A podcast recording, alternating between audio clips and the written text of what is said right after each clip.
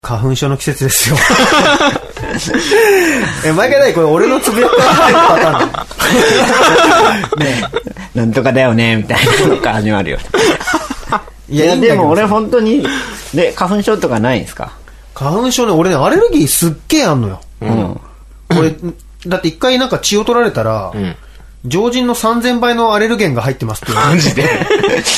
でももう俺笑うしかなかったっていう時あるんだけど、でも花粉症だけね、割と大丈夫。あ、そうなんだ。花粉以外の全てのアレルギーが。そうそうそうそう。 花粉以外の全てのアレルギーはダメかもしれない。僕もね、あれなんだよ。アレルギー体質で。で、喘息持ってて、アトピーもあって、うんで、花粉症もあったんだけど、花粉だけ治ったんだよね。治るってパターンあんのなんか平気になったんで、今だい、全然マスクとかつけなくても、そんなに目も痛くないし、くしゃみもしない。何した割らと治んの平気。わかんない。なんだろうね。俺で体も勢がついたのかな。俺多分めっちゃひどくて、うん。でも東京に来て、少し、マシになった福岡よりはマシになったけど、うん。知れてるぞと。いや、もう本当にま、もう本当にね、2月後半からはきついですね。えあ、そう。あ毎、日もう、すごい憂鬱、今。本当。 4月ぐらいまで俺本当にすごい憂鬱。あ、本当 ー、。春が憂鬱って結構辛いな。いや、本当それはだってね、ね冬明けてさ、うん春だとか思うやん、みんな。うん俺も春かって思うし、うんあの、いい天気だとか思うやん。うん朝起きてさ。そうだね、あったかくて。もうそういうのもう超テンション落ち る。あ、そうなんだ。逆に雨とか降ると、雨だーっつって窓全開に して、基本的に窓開けれんけんさ、この時期。え洗ー、濯物も家の中やし。いや、だって、最近でもさ、本当にさ、昔描いた未来じゃないけど、もうマスクなしでは出れない感じになってんじゃん。そうだよね。 PM2.5 とかさ。福岡とかひどいよ。あ、そう。うこの前なんか、おあの、砂ぼこり、ん。すごかった、東京で。すごかったね。黄色になっあて。、らしいね。うん俺ちょうど京都に行くあ、そうなんだ。すごかったよ、あれ。うん、目それは超痛く黄砂黄砂。ああれ、黄砂なの交差じゃない説と交差説とすごいツイッターで喧嘩してる感じ。あ、そうだね。なん か、バズってたね。そうそうそう。 いや、すごい、くだらない対立が、ないろいんろか、あるよね。今、中国の陰謀だみたいな。中国煙突を長くしてるって噂もある。そう。より日本に飛ばすために、煙突を2メーター長くしたとか。 PM25 分っていうさ、アルバムを出したらどうかな。あーウィークエンドっぽいいけど、もろういろ陰謀だ。終わったけど。今やな くそうだね。まあそんなは憂鬱な春だけど、何、アナはなんか最近忙しいらしいじゃないの。まあ、レコーディングと、あら、あらそう、まあ、レコーディングをひたすらやってて、だからそのさっきも言った京都に、今月だけで3回行ってんのかな。あ、そそう。だけど、その、花粉、ちょうどボーカル撮りの時期でさ、う。 うん。だから、すんごい鼻声の、すんごい憂鬱なやつの アルバムができてます。で、そのアルバムは、何あの、フルアルバム。うん。アルバム、普通に、まあ、夏ぐらいに発売かな。そっうか。ーん。もう作りつつの、あの、今月末からね、アコースティックツアーをやるんで、それで売る、まあ、シングルというか、曲も別で作ってる。あ、そうあ、なんだ。いいね。へ今日は冒頭から結構音楽の話題だね。ー やっと。いや、もう ね、あれなんですよ。今回はちょっとね、音楽にフューチャーそうしだてね、。お送りするう、ん。ポッドキャストにしたいよね。うん。でも今ま回あの、記念すべき10回目。 10そ回う目だよ。さすがに前回はエロすぎたよ。そうだっけおい、自分で引いちった。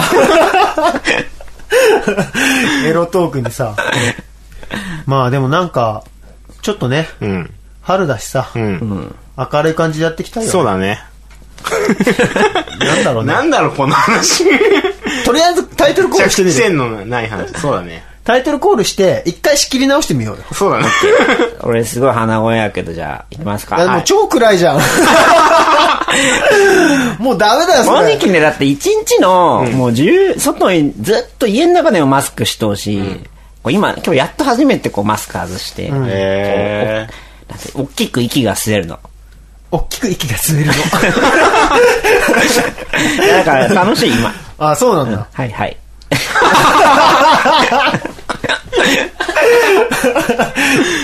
じゃあ、大久保の適当な返事があったところで、はいはい。じゃあタイトルコールとりあえず行ってみようよ。はい。アナ・大久保とウ、ィークエンド潜水の、レディオレックス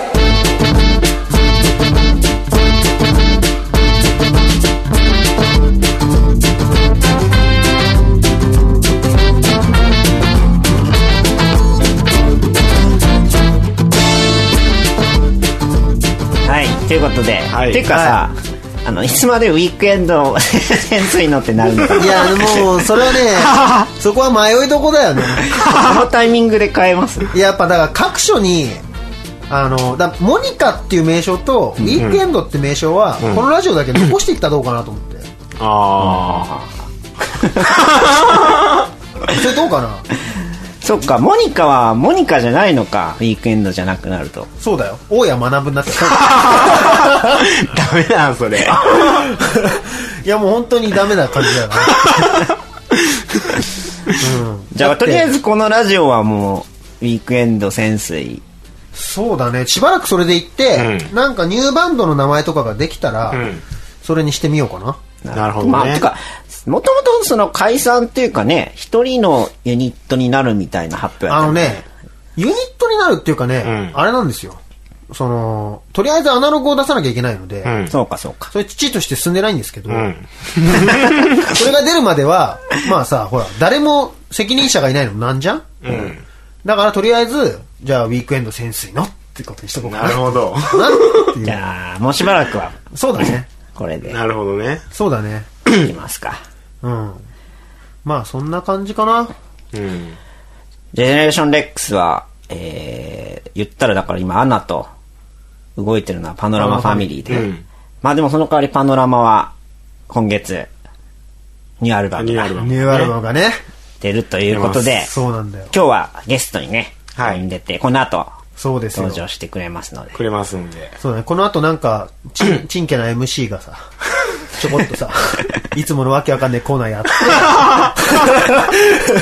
て。で、その後パノラマ登場でしょそうだ本ね。物がその後に、ね、そうだね。来るんで。先生君も早くね、なんか新しい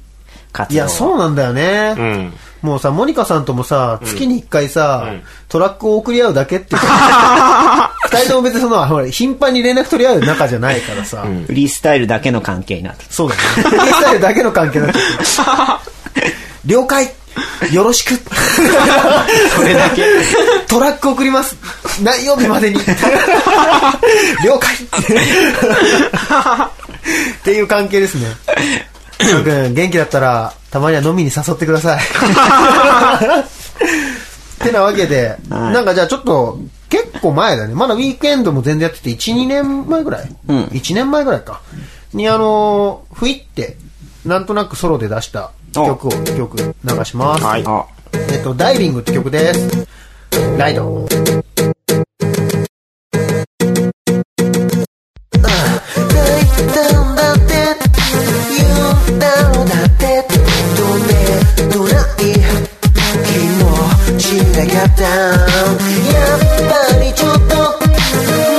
ちょっと待って高すぎる景色になんか Baby 飛べしない明日になっても無理だよずっとため息とその続きをただただ繰り返してるんだ二度とない二度と来ないそのことを忘れてて見たことのないものが見たくて君とダイビングダイビングダイビング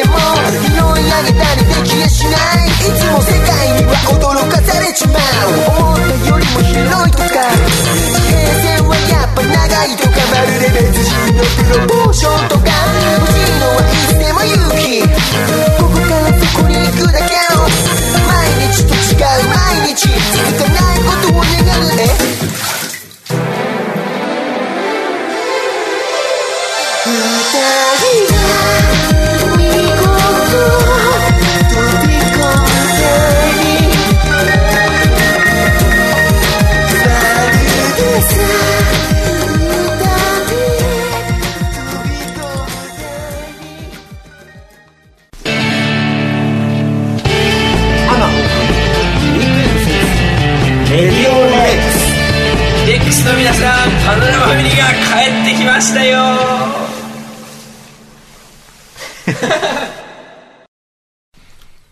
ー MC モニカの自由形。 はい、やってまいりました。はい。はい。もうなんだかんだで10回目ですよ。記念すべき。そうですよ。今1回目のとか聞くとね、意外と下手かったりするの。そうだね。あ今が上手いのかってのもあとやっぱ全体通してプロポリスクルーの頃が一番良かったんじゃないかって噂もあるよね。 なんかこうカラフルでさ。で、まあそんなわけで今回なんですけど、んうん実はですね、はい。あの、モニカさんちゃんと締め切り守って送ってくれたんですよ。うん。おなんですけども、なんかファイ、あの、ファイアストレージでファイルのやり取りしてるんですけど、はい。なんかちょっとトラブルで、あの、うまくダウンロードできてないんですね。はい。ダウンロードまでに残り3時間ってなってたん で、いやさすがに待てねえと。はい。 昔のえそうですね。メロ動画みたいな。本当に。 朝まで待ったのにこれか。そうそうそう。半身裸で朝までいちゃったよって いう、その感じ、はいになってるので、はいあの、僕ら今日聞けないので、はい流しっぱになっちゃうと思うんですけど、はい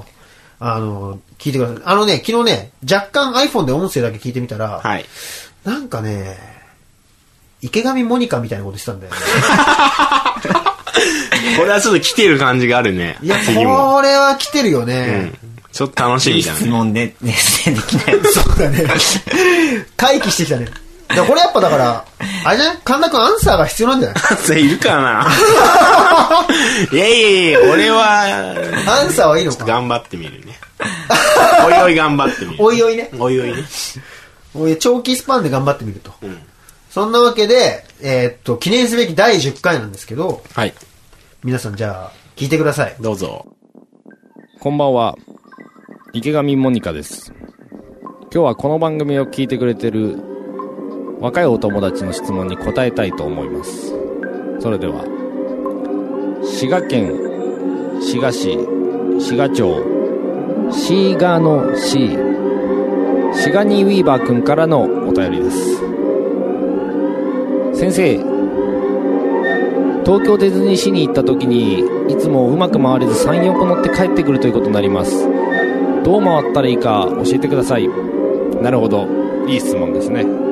じゃあ今日はそれについて完璧な回り方を教えますんでぜひみんなやってみてくださいはいワンツースリーフォー舞浜舞浜に着いたら舞い上がる気持ちを抑えるんだまずは電車にすぐ乗るんだ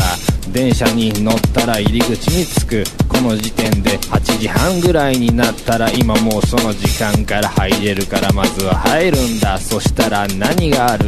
でかい球体地球みたいのが浮いてる感じに見えるからそれをなんで浮いてるんだろうとちゃんと考えながら写真に撮るんだそうこうしてる間に1時間半をきっと使えるだろうおいやばいなこの間にファストパスがなくなってるとか思う必要はないあれは使うやつはファシスト野郎だ自分が可愛いやつらばかりだそういうやつにあれを渡してやれ気分的に上になるんだじゃあそしたら次何乗るってまだ乗るのはきっと早いぞ午前中晴れた日ならアメリカそうベネチアゴンドラあたりに行くんだベネチアの景色を見るんだそうあれがかなり綺麗だからなあそこでまずはコーヒーとタバコを吸うんだっておい君は未成年だったごめんなダメだこれはじゃあ飴とオレンジジュースでちょっと2時間ほど優雅なひととき過ごしちゃいがない過ごしている間にやばいぞ次何乗るかって思うだろういやそんなことはしなくていいその横にアメリカウォーターフロントという場所があるからその近くの船をずっと見るんだ船の再現率がやばいと思ってこれもまた写真に撮るんだそうでその船はどうできたかをちゃんとスマホで調べるんだこの時点でお前は普通に遊んでるやつより知識が入ったそう知識が入ればもう次は勝ったも同然だそのまま一番奥の方のロストバリーデルタに行くんだその近くには謎の謎の遺跡があるあの遺跡は大元より寸尺がだいぶ違うからなそれを分かったら次は海底2万マイルのあたりに行くんだそう船が完璧な状態で再現されてるノーチラス号だあれをやっぱり写真に撮るんだどうしたってスマホで調べろそうしてる間にもう夕方になるぞじゃあここらで何乗るか考えようぜさあ何に乗りたい一番乗りたいやつは何だそうかアラビアン系のやつか一番奥にボンボヤージュというゆるゆるのがあるからあれに乗っていい気持ちになってそのまま帰ればいいそしたら君は圧倒的なディズニーシーマンだアナをウィンチェンド先生のレディオレッスピーシャラピーシャラパッパパノラマファミリーなるほどねパノラマファミリー大名盤ライフノートリリース記念企画。たまには俺たちだって真面目に音楽を語りたいイイエーイさて始まりました、えー、たまには俺たちだって真面目に音楽を語りたいのコーナーです、 そうなのよ。どんなコーナーなんだよっていう。レックセンをご一緒させてもらっているゴメス君ことバナナマファミリーの3月20日にリリースされるライフノートが超名盤だったので僕らで語り尽くそうという企画でございますはいはい。普段まあエログロバカな話ばっかりしてますけども今日は真面目に大解剖おしていきたいなというわけですというわけでゲストパノラマファミリーのゴメス君ですどうもー どうもーといあ、うこもとう でそういうテンションなんだ。どっち行っていいか分か んない今日はあのね、どっちマグちゃんはいないから。今日はじゃあそうだね。でもまあ、あんまりさ、普段なんか、まあ友達っていう体でやってるからさ。まあまあまあ確かにそうそう。だからなんかさ、あんま、語んないじゃん。お互いアルバム出しても。そうねよかったよまあよかったよは言うけ言どうけどそうそうあの曲よかったとかはそうまあそ言ううけそうどそう。なんかでもあの、なんていうの、多角的にさ、大解剖じゃないけど、あれはどうやって作ってたのとか、ああんーま確聞かないでしょあんまりあょ俺なん結か構聞いてっかもねこのせいずくんにいや、まあね、ここは話す気よ、ね。になるからねレックスやりだして、からのリリースは初なんじゃないのかなそうかな。そうじゃないっけあそうだと思うそうだ。そうそうだからまあ、いただ知ってはいたけど、こんなさ、頻繁に会うようになってからは、こう、初の、そうだね大久保くんとやったのは前のアルバム、うんあの時はまだあの時レはッまあそのクスじゃないのかレッなんクスかやってたけど、こんなイベントとかやってなかそっうただ。ね。そうだね、そうそうそう。確かにで、まああんまり普段恥ずかしくて聞けなかったりするようなことも、はいはまあザックバランに聞いてこうじゃないか何でも喋りますよ今日は何でも性の こととかもね。何でも性のこと普段その話しかしてねしてないけどね。俺はあんましてないけどねでもまあ今日はちょっと長めにだから話そうかという話もやっぱある神田君はやっぱ風俗とか行くわけ急に。まあまあそんなやまあ、めて、やめとこうね。それで、なんか俺、アルバム聞いて思ったのが、はいはいなんか、もっとイケイケどんどんな感じかなとも思ってたの。ああ出るな前るほはどねねあでもなんか、一聴して、結構優しいアルバムだなと思って。あ。はいはいはい。ああ本当、うん、なんか爽やかなアルバムだなと思って、なんかその辺の、そのさ、震災後にさ、まあ震災でいろいろ、まあ知ってる人は知ってると思うんだけど、ゴメス君女川出身なので、そうだね結構、なんていうの食らった部分もあると思うんだけど、んなんかこう、ちょっとなんていうの再生みたいなさ、ああうん、なんか日常のことすごい歌ってるなっていうのがあったので、うんなんかエビデイとかもそうだし、なんかこう、その辺は結構あった。あんなんかそうね震災のことを特別意識したとかない。全曲ないかもうーん。ああ、そうなんだ。でももうなんかそれはもうデフォルトとしてあるんだろうねもうあのはいはい311以降は普あ通ーにそうなんだ。あるからなんかなっちゃったりはするけどうん。あとね半分ぐらいはえーっと前のアルバム出したツアー直後ぐらいに作ってるかうら、んうんうん。 1年ぐらい前の曲とかも入ってんだよねうん。ああ、そうなんだ。そうそう結構あの、限定で配信ととかかしとった曲あったもんそうそうそうね。 1週間限定視聴とかやってたでもさ、それも震災後じゃなかった震災後うんだよ震ね災後だけど、んそうね震災から1年ぐらい経ったぐらいだったからまだ全然こうあんまりねなんかそのリセットされてなかった時に作ってるっていうのあもあでー、かいなるほどね。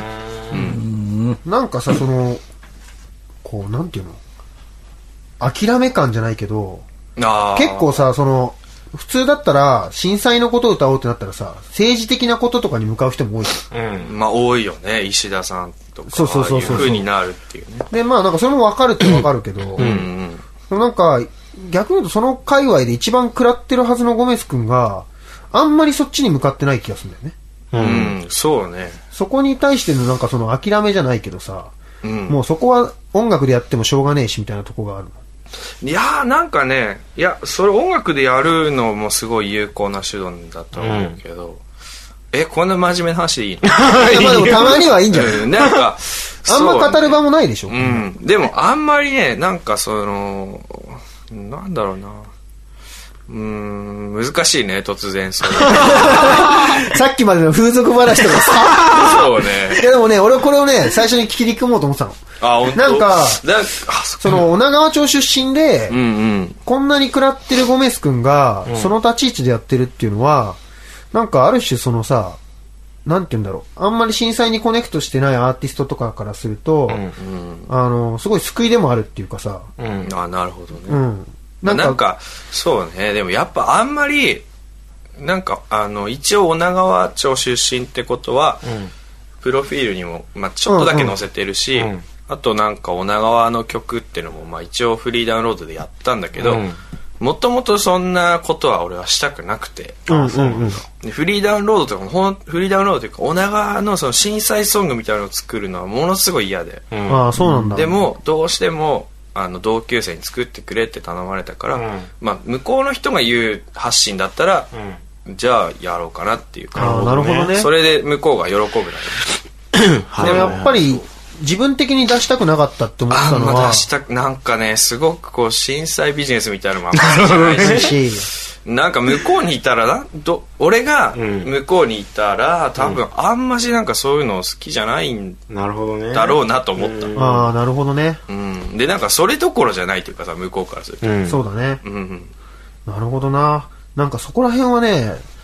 うん聞いときたかったよね。で、多分みんなも、それを分かって、多分アーティスト側はね、結構みんな分かっててさ、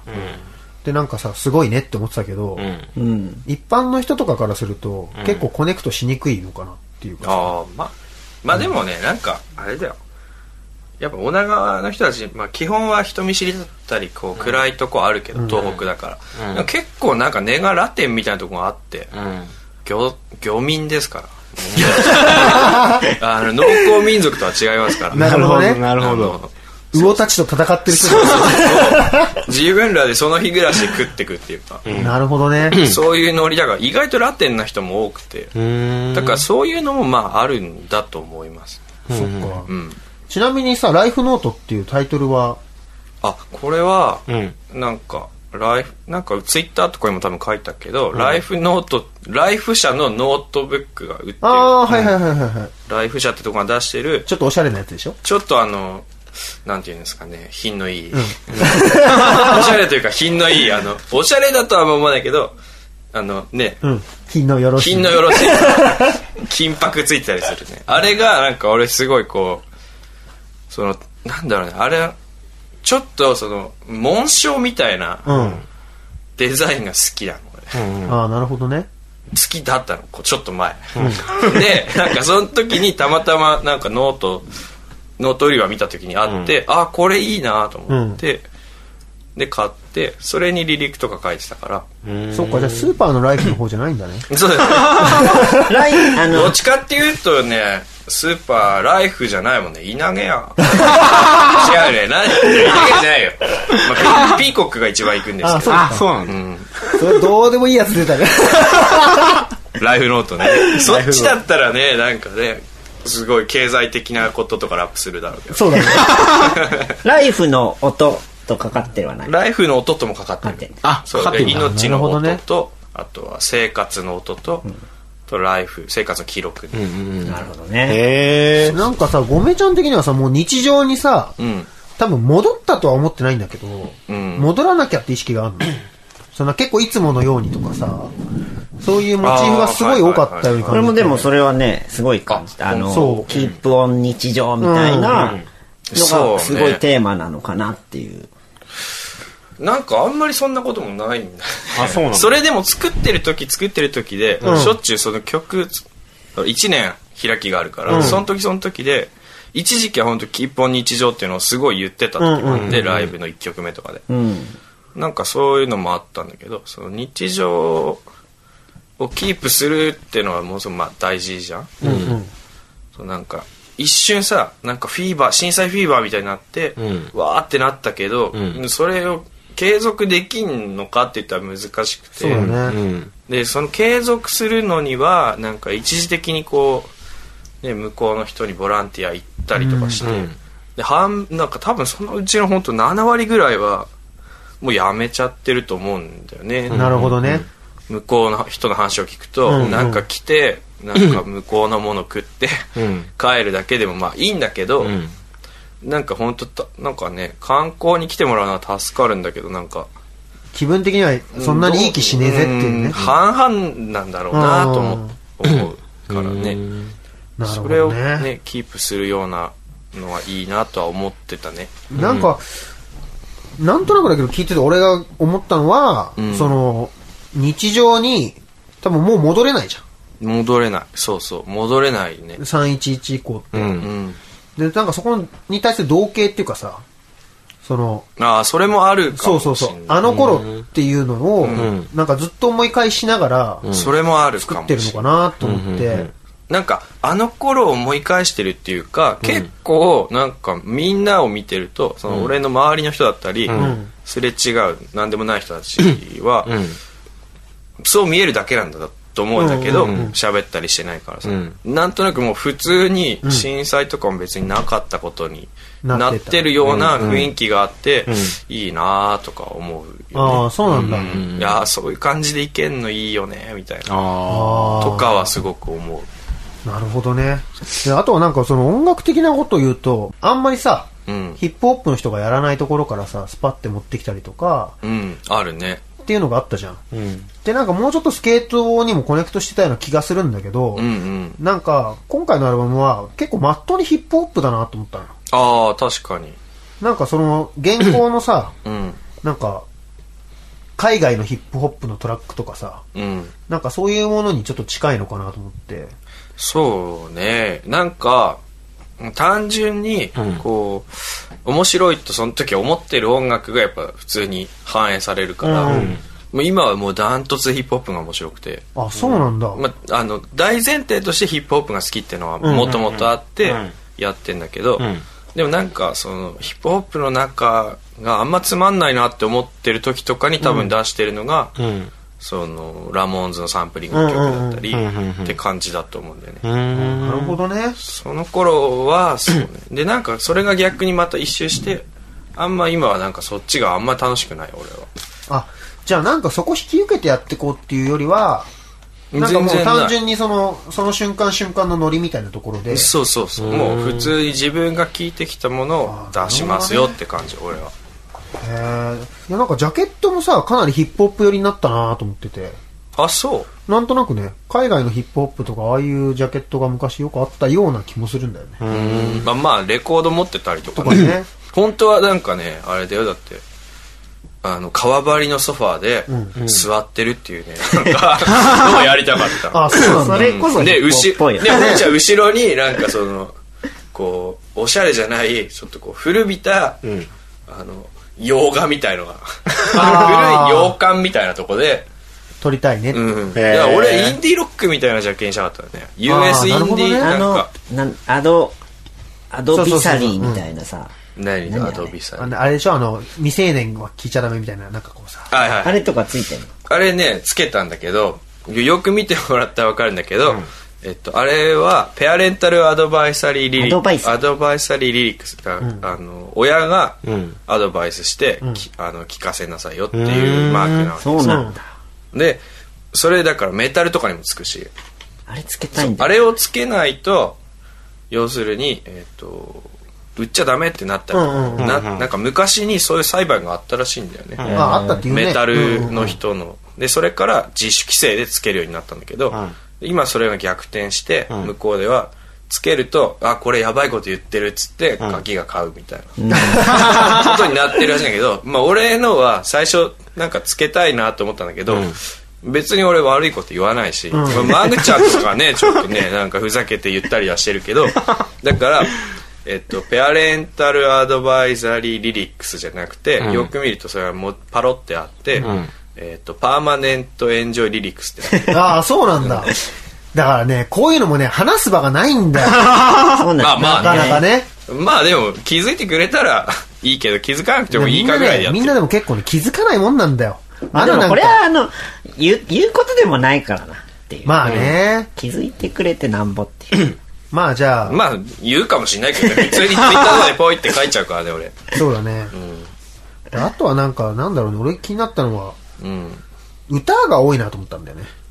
ああそうかもしれないあのさ、2、3年前、その、それこそごめちゃんに初めて会った頃とかさ、うんまあ歌ってるヒップホップとかすごい嫌いだっただったじゃん、で、なんかウィークエンドとか歌いがちだったじゃんそうで歌わなきゃいい のに俺よくなんかウィークエンドに歌わなきゃいいのにとかすげえ言ってたてでも気づいたら、ごめちゃんの方が歌ってるって歌いっう。てるかもただなんかなんそかれ意識して多んの分ねでもウィークエンドの歌い方とは多分全然違うと違うやり方だとは思うんだけど、もっとこれね、でも、あのさ、二人ともラップやりようやん。俺、基本的に歌をずっとやりよう人間からしてさ、その歌ってるっていうのがね、あんま感じんけどね。あ、そう、うん。あそっかそっかまあがっつり歌ってるって感じでもないもんね、その要はさ、なんだろう、あのサビって、サビっていうのかな。うん。フックねフックがってことそうそうそう。フックのところとかが歌ってたりとか、まあ、あとはフローとかもなんか若干歌寄りになってるところになってたりするのかなと思ってて。ああ、でもそういう意味ではそうかもしれんけど、なんか俺は逆になんかね、すごいそれがだけ良かった。あ、だから聞きやすいって感じだよね聞きやすいっていうか、なんかフックとかが、すごいなんか、なんやろ、完成度が上がったなってああーーまなあるほどね。まあね言ったらなんだろうなな、その前のとかはさ、夜を貫く、夜を貫くとかさ、なんかこうワード一個んのサビとかさ、その頃だがって、多かったねそうだね、もう夜の貫き先生って呼ばれたもんねそうそう昨日昨日貫之みたいな感じでそうそういやあれが天気だったね今思えばあそこで変えようかなって思こっんなことになるぐらいだたで夜貫きって言われるならやめようって。そうなんだ俺貫きって言われたことあったあったあ ったねうちのモニカが名付けてた気がするけどいね。や、あの、二人だよ。ウィークエンドの二人、先生君を除く二人と、あとモンブラン、今、あの、中野ってバンドのトヨ君。うん。トヨ君とかがふざけて言ってたんで。そんなつもりじゃないのに。夜の貫きってなんだよと思っちゃったけど。まあね、でももう、あの曲、ほぼライブでやんないで。もまあ名曲だけどね。まあなんかたまに一曲とかやるけど、うめったにやんないね。そうだね。なんか、そうそうごめちゃんがいない時に、大家くんがフリースタイルでやったりしてたけどね。これね、いろんな人がやって る。ひでえなと思ってたけど。 S1TV のね、バケーションっていうあの、あーハードコアバンドの畑野くんもなんか、誕生会みたいなのでやってた とか、そういう話は、あの、だから二次会的な使い方はだね、今なんじゃない聞く。 いまあね。今もう一回やったらすげえ流行るパターン。 でもなんか、そのラップを聞く人の耳が、多分いろんな人がさ、ほら、いろんなとこでサウンドクラウドとかに上げて、多分日本のヒップホップ聞かなかった層まで、んヒップホップに耳が慣れたと思う昔よりあーそうだね全然、ラップっていうかそうだね、なんだか。から今だったらいいかもね、そうだね。あとはまあ一回歌やっとくとさ、そこ入り口にしてさ、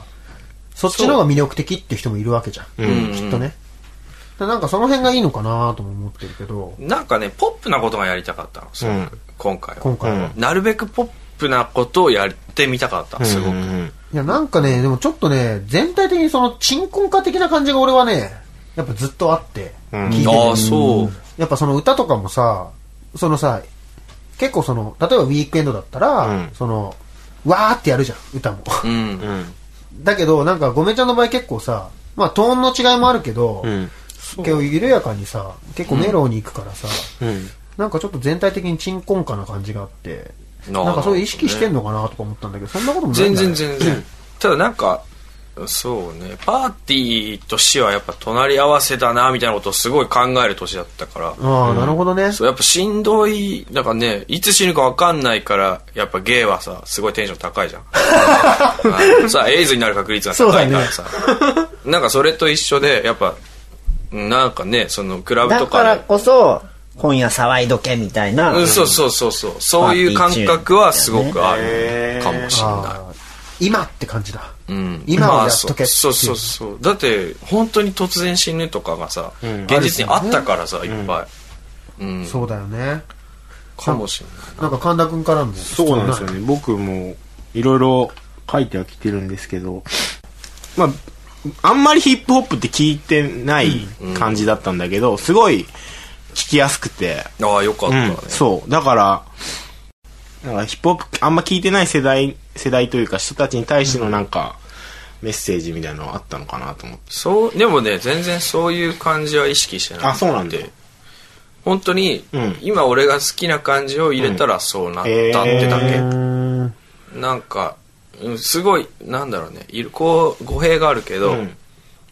なんだろうなレックスは割とこう 90s にすごく影響を受けた、うんうんそうだねって。感じを前面に出してる、うん。前面に出してるってほどでもないけそうど、だねまあ好きじゃんみんうな、ん。俺はそんなにそうでもなくて、うん。でなんか作ってる最中とかはもううほんとなんか 90s をもう遮断してた自分の中で、ああ、そうなものうなんか戻りたくないっていうかへなんかまあ実際戻れないしさ、なんかあんすごく嫌で 90s 表現みたいなのがものすごく嫌でああ、そう。なんか珍しいね。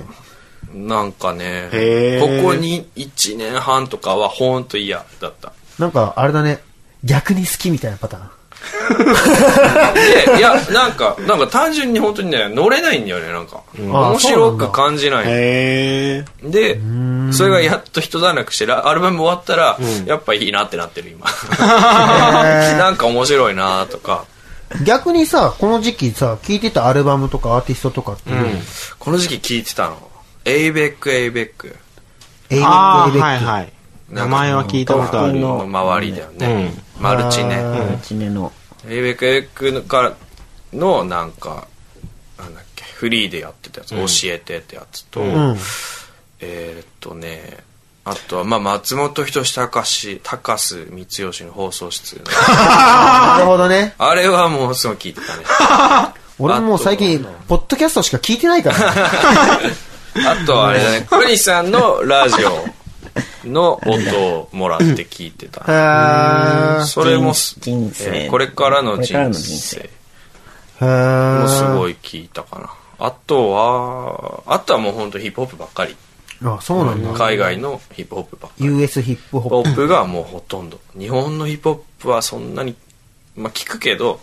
ガーって聞いたとかはないかプ。ななんかさ、それこそだけどさ、そのダブステップじゃないけどさ、んそういう方の流れもあんじゃんうんあるねなんかさ、そういう方とかは全然聞かなかった。俺ダブステップ全然好きじゃないから、ね、ああ、そうなんだ。ダブステップに影響されたヒップホップみたいなのはすごい好きやけど、うんあのなんかドゥドゥドゥドゥドゥドゥってあの、んうん低音がなる感じとかはだからジェームス・ブレイクとかも俺全然まだ理解してないしああ、そうなんだ。ダブステでもッジェットセットかな。プはダブステップ以降って書いてたね書いてあったねでもなんかそう何かしらのね、うんうんうんこう影響からまあ来てなでんかもこう、孫みたいな感じでしょそうそうそうでもそのダブステップっていうか倍速みたいのがこの1年半ぐらい流行ってたから、US ヒップホップで、だから倍速みたいのはすごい聞いてたから自然となっちゃうんだろうねゆったりしてんだけど、ハイハットだけ16で刻んでるとか、とかそういう感じう。んそうだあね。全然関係ないことかもしれないけど、東京のどの辺の街が一番好きなの東京のどの辺の街、本郷本郷あ、そうなんだ。本郷が好きじゃあこの近くだうん本郷がすごく好きへへえ。今回のアルバムとかは、うん結構その東大の赤門の前を歩きながら書いた曲もあへるえ。あ、そうなんだ。はいって曲とかはもう、ん赤門の周りをうろうろしながら携帯で書いた。へえ。へそれさ、リリックはさ、うん。なんか、何が一番こう、例えば俺だと、うん。本。もう歌詞書けない時とか、とにかく本読む。ああ、俺本はないね。それはね、ちょうどいいね、質問がね、一件来てるんですよ。あ、来てる。あ、質問き、て本当に来てんのそれ、やらせじゃなくて。はい。マジ だ。えっと、大久保さん、潜水さん、神田さん、ゲストのパノラマファミリーさん、こんにちは。こんにちはこんにちは。は。えっと、ラジオネーム、アナルホジリムシです。先月から、先月も。 ほじっちゃうぞっていうね。いつも楽しく拝聴しております。パノラマファミリーやウルマム完成おめでとうございありまがす。とうございます。ゴメスさんは曲を作るときに何からインスパイアされますかっていう同じ質問が来てるんですけど、まあ、映画や本や音楽、何に影響を受けてますか、それではアルバムの発売楽しみにしてます。アナも潜水さんの新プロジェクトも早く作品出してください。ということおでー、ありがとうございます。何にインスパイアを本ってのはもう本当にない。へなんか本当にとか言うのちょっと嫌だ けど。読まないってこと若干読むんだけど、本からインスパイアとかって全然ないね。あ、そうなんだ。うん。もう娯楽としてしか読まない。え。へえ。ね、映画は結構あるかもしれないねでも今回に関しては映画もあんまなかったかもえー、そうなんだ。前回までとかはすごい映画映画のタイトル入れてたりとかうんうん。あったけど、今回はそんなにないかなス映画ロームービスロームービーはなんか映画っていう意味のムービーじゃなくて全然ー。あ、そうなんだ。あのムームービー あの iPhone についてるムービーだねムービーってことう撮る側ってことだね。ん、そうそうそうそう、ああ、なるほどね。うん、あん映画はあんま今回はあんまなかったかなでもすごいえ息抜きとして映画が一番息抜きになるから見ちゃう、逆にでも息抜きになってるからさ、がっつり入ってこないってことなのかもしれないけどね。ああそうかもね、うあん。なんかさ、その、んそれが主軸の瞬間ってあるじゃん、なんか。あ映画が本当に好きな瞬間ってあるじゃん。あるね、そういう時って逆にさ、すっごい影響を受けちゃったりするけど。あるあるねでもそういうのじゃ息抜きなでい、見て何から影響を受けてるかってやっぱ会会話る とね会話か。そういった意味でも、じゃあやっぱライフノートだ。なんでうまいこと言ったみたいなさ 全然うまくないじゃんうまいこと言ったみたいなライフノートだ太字になりませんよそれ文字にしてもそうか。ね。会話だねあの、なんかライブハウスとかクラブで喋った会話とか、うん。あ人と、じゃあうん、遊んでたりとか、よく遊んでんもんね。うんいやでもなんかさ遊んでるかも客演も結構多いもんね、今回。多い、うん、多いよね。ラッパーがね、そうだね前、前回のとかって、どっちかっていうとシンシンガうん、しまあ大久保くん俺俺大やけ久ど保くんとタイキックマフの宮尾陽ちゃんだけかな前回とかだよね。ー。まあ、マグロックが。まあマグマグちゃんはまあそうかうんそれぐらいだったよね今回はすごいラッパーを、なんか、こんなにさ、客演多くなったのは自然な流れなのそうねなんなんかかそういうアルバムにしたかったのいや全然思ってなかったあ何にも思ってなかったけでどもっさい本当にここ1、2年でよくつるんでる人たちやんね。て感じだね、なんか歌そとうだかね見る感じ。うんなんかリリパとかでもみんな来るの22の方は多分全員来るからおーインシストのバシさんだけ大阪だから来ないけどああ、そうなんだ。俺でもそ、あれがね、ごめちゃんがそのインシストが昔から好きで、すごい好きだったねで、初めてそのバシさんに、アプローチした瞬間声一緒にいたも声んかけた瞬間から見てるから、そうだよね結構あれはね、こう感動的やった。あ、本当。あこれ話したいよねそのあれは死んだいたフィーバーのんインシストとスモール・オブ・サークル・フレーンスモールサークルオブフレンズっていう、福岡出身のそれとえーなんだっけあとあのデザインっていうあそうだのスモールサークル・オブ・フレンズの力さんって人とえー東さんそう、ん男性の人とあと、インシストのバシさんって人が一緒にやってるグループがあって、デザインっていう、んその3つだったんだよねそう、その対バンがあって、んで俺がそうそう、その、スモールサークルオブフレンズがうん、福岡のもともと出身だから、うんうんそうそう仲いいまあ先輩でお世話になってて、で俺は去年のそのメローサミットっ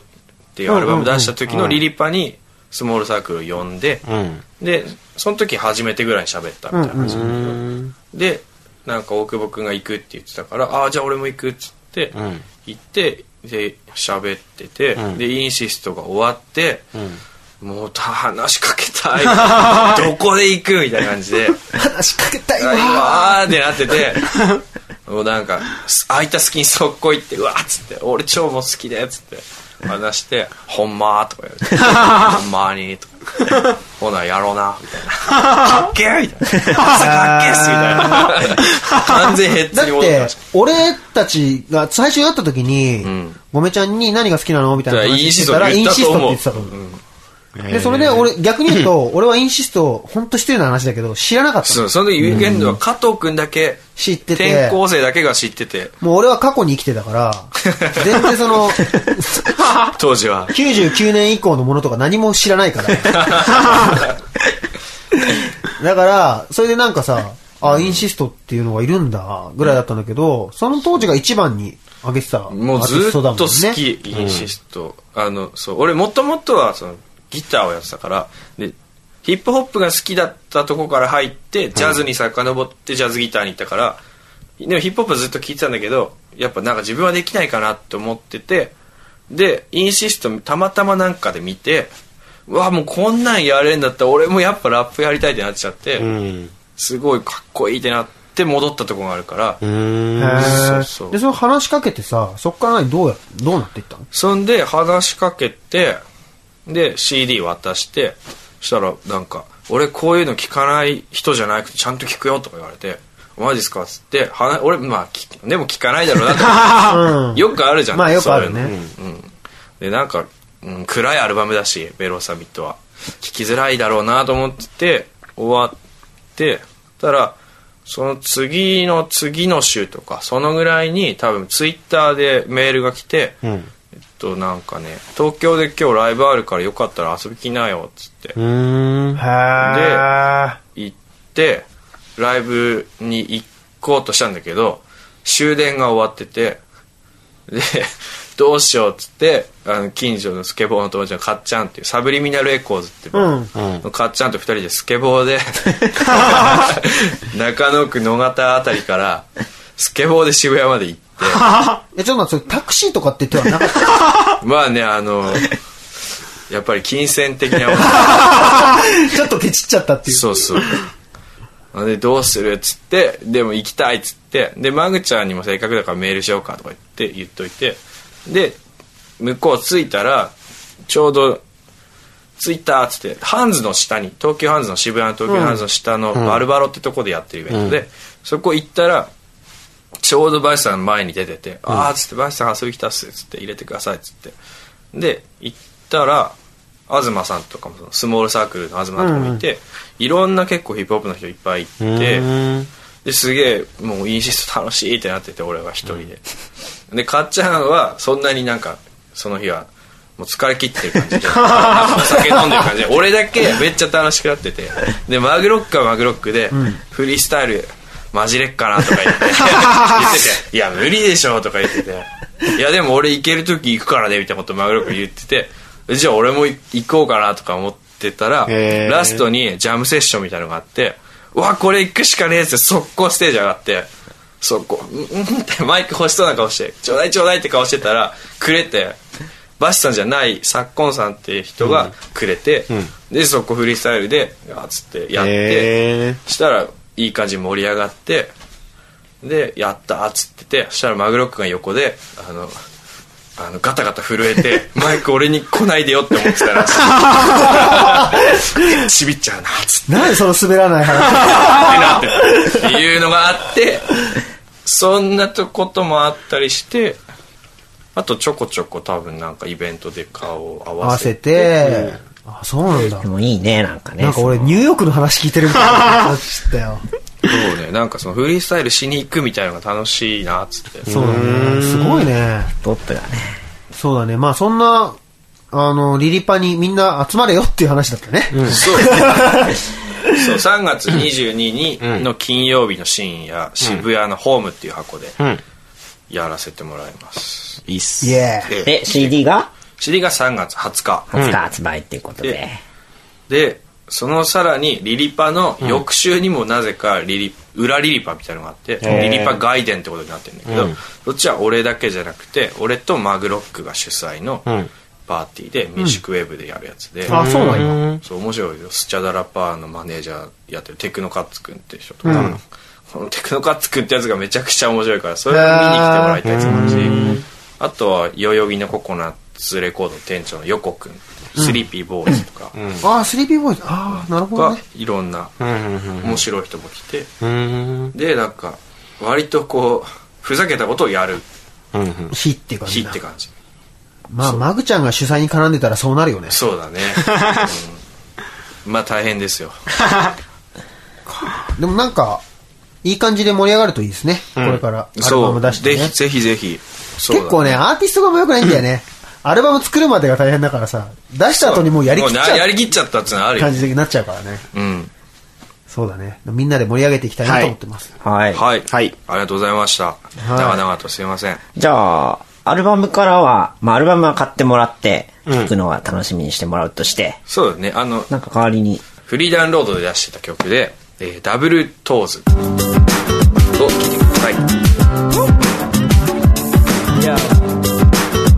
this is BL. That's you. Steven Yoni. Steven Yoni. Yoni, you can't stop, yo. Yeah.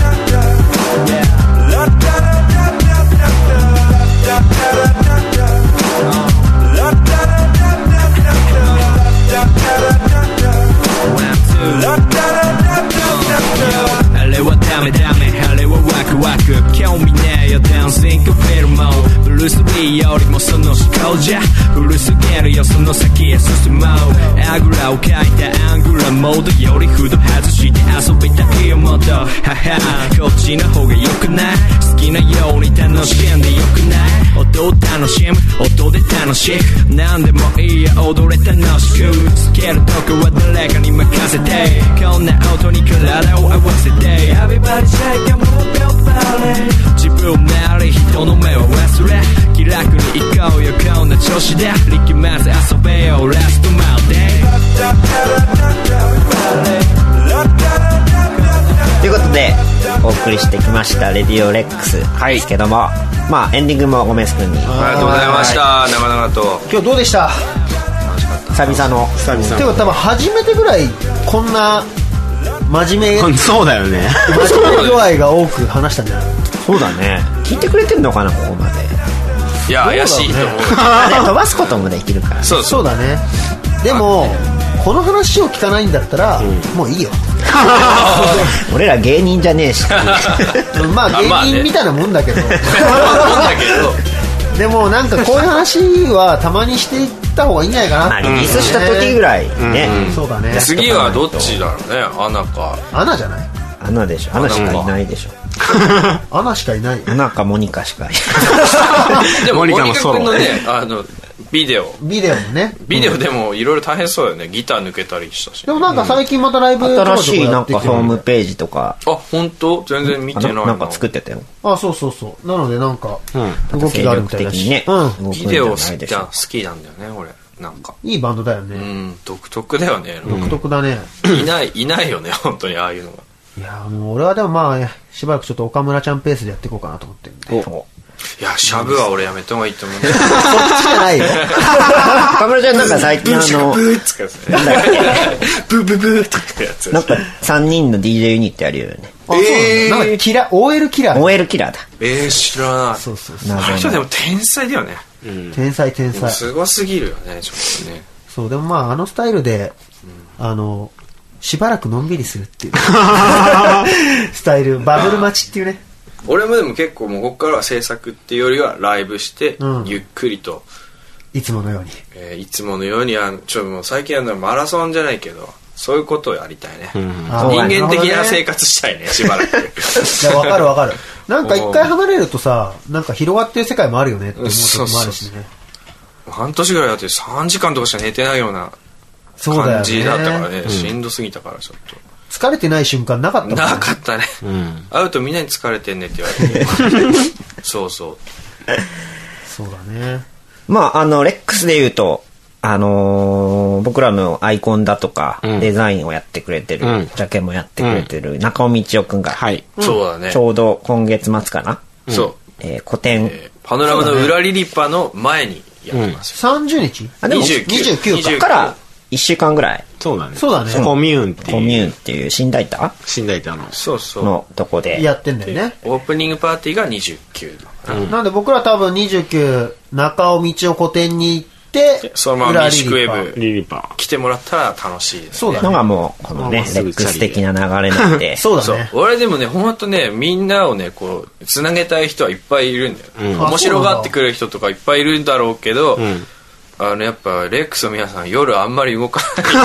そんなことないんだたよ。まにねあでも大久保のがたまに来るかまあ、ー。で、一回誘ってもらったけど行けなかったっていうのがあって。そうでねあともなん結か構行くんだけどね。なんかなんかミックスビューティーのなんかの日にさ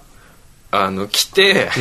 あの入り口で撮影だけ終わったら2人とも帰るっていうのあったよねあ、俺ね。そうそそうう俺で帰って高村君だけいて高村君がライブを撮ってくれてそうだね。そうそうっていうのはあでったかもね。でライブ終わったら「よっしゃ」っつってもう高村もそこ帰っちゃってなんだこいつらはと。寂しいなと思ってなんかこっからじゃあみたいな俺はさほらライブが終わってから楽しそうだよね。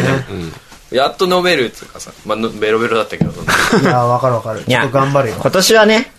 ちょっと頑張って、頑張ってというか、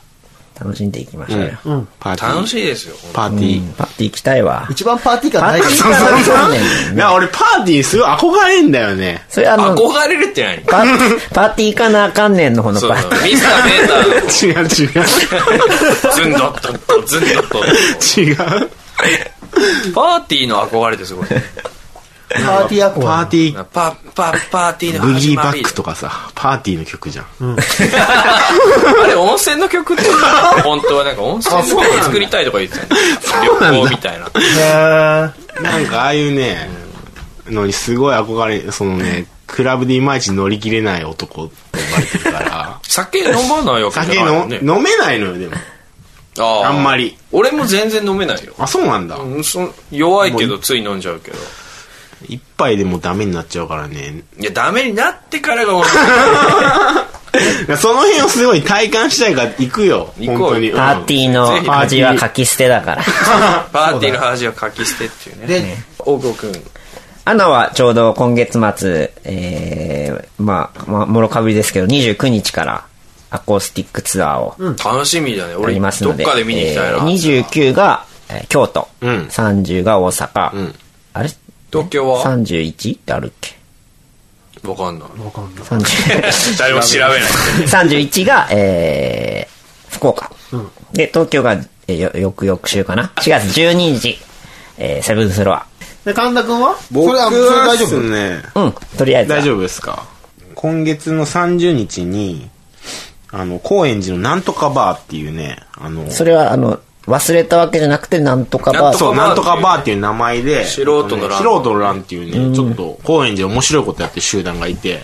なんかデモとかやったりとか、知ってる知ってる。素人の欄のお店なんだけど、そこを借りて、新年会をやろうと思ってて、まあ、誰でもウェルカムなんで、で、僕が手料理を作るんで、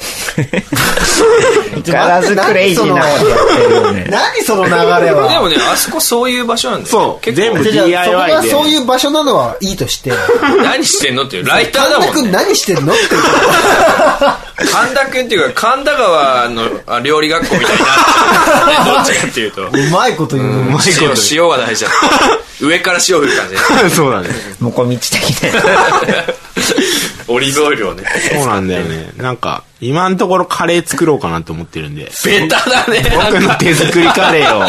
食べたい全然面白みないよねまさかルー使わないよね。もうなんか全然面白くなくないいや、でもオーガニックだから、コンセプトは。オーガニックの、この人何言ってるの本カレー作るだけやろそ違う違う、オーガニックをコンセプトにしてれ、家でやれよ いや、大丈夫大丈夫、もう、すごい、いっぱい出てくるからカ。レーをオーガニックで作るうん。だからもうどんなん出てくるかもうわかんないと思う。まあなんか豆カレーみたいなやつじゃんいやもうそこはね、来てもあらのっフてェるス、フェスで売ってるカレーみたいなだけは 嫌だよね。あれだけは嫌だよね。まあそこは来てもらって、もう誰でも来ていいんで。まあいっぱい面白い人来て集いまいる。んで、 来てくださいとかじゃないんで来。てください。来ていいんだ。 来ていいんだよ。多分、30日ですね。ちなみにそんな神田くんと俺が、あれなんですよ。うん。史上、レディオレックスをやるんですよ。おお、そそうですね。の話聞きたいですね。それが、あえっと、アナのあツアーの、ね。そナのツアーで、今回ジンを発売するんですけど、おはいーし音源付きの。うんそれで、お二人に、ちょっとこう、はい原稿をお願いして、はいちょっとやってもらったんで、大久保純也欠席裁判っていうね。です。あーすげえ面 白そうだめっちゃ読みたいこれはツアーに来てもらって、そうですね。そうですね楽。しんで出るわ出るわでしょそれ出るわ出るわ。ディスの嵐あの、二人で全裸で語り合った から。全裸でねそうそう、俺の二の腕に神田くんが寝ながら、二人で話す。やだなハネちゃんムーンと書いとけばよかったね。カッコして。そう だね。そうやって全裸で。全裸で。そうだね。それぐらいかな。うん。あ、あと、あのー僕とパノラマフあそうァミリーでえ、多分もうこれがの頃にはフリーダウンロードやってると思いますえー、スターロマンス EP EP っていうのを多分出しますをあ出し3てるん曲入りでで、珍しくラップなしでそう、ゴメス君プロデュースのもう大久保僕君がは本当歌歌歌うのみってっていいう う感じシンガーとしての大久保純也の魅力を神田川料理学校みたいに引き出して 引き出しましたオーガニックなオーガニックオーガニックななささっきかかったやつとかってことでしょいや、さっきの、まあ違うのじゃあ違う。あそれはまた別ですなるほど。まあ、これは本当にあの、ネットで、そうですねツイッターとかでで。聞いてもらいたいですね、うんパノラマのツイッターもフォローしてください、はい。うん。じゃあそんなわけでそんな、もんすかね。はい。まあ、今月末は本当ね、みんな盛りだくさんです。そうですね。楽しいですねまあ大体 Facebook だったりとか Twitter そうですでね。告知をしてますので、皆さんチェックしてくだチェッさクい。してください。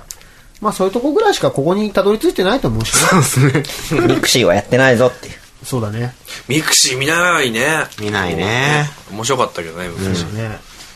らまあセクシーの方が面白いからね。まあまあまあまあセクシーっていうの本当にあるよねサイトねあ、本当。そうなんだ。あるある俺ねそれなんか調べてたら出てきてあのミクシーそっくりのあのなんか出会い系サイトみたいなセクシーっていうのがあるで、それを、えー、毎夜やってると。あのねやろうとしたんだけどやってみたら面白いかなと思ってやろうとしたんだけどなんかねややこしいんだよやり方があ、そうなんだ。でなんかもういいやってなっちゃってだから会員登録するのにも誰かから多分あの昔の承認制みたいになってたと思うえーそうなんだ。今はどうなのか分かんないけで、ど結果、あれ結果か、あの、睡眠時間が3時間になっちゃう。そういうことです違う違う違う違う違いますよセクシー睡眠不足じゃないセクシー睡眠不足じゃないそれでできたアルバムがだラからイ違うブ違うの。違う違う違う違うセクシーのことじゃないよちゃんとライフノートっていうさっき名盤とか言ってたら何だったんだよ本当にいや、まあ音声だとわかんないけど、迷う方の名盤だからね ふ。ざけんじゃないよ、ほんと。俺何しに来たんじゃないから。ふざけんじゃないですよ。いいオチがつきましたね。ねそういうアルバムですから。聞いてくださいって。はい。ということで、えー今月は、パノラマファミリーからゴレス君にゲストに来てもらあいりまがとうございまし。したた。まあ真面目に行った1時間ちょいでしたけども、はい。まあいいんじゃないかな。いいんじゃないかな。じゃあ、来月も聞いてください。はいお疲れ。レックス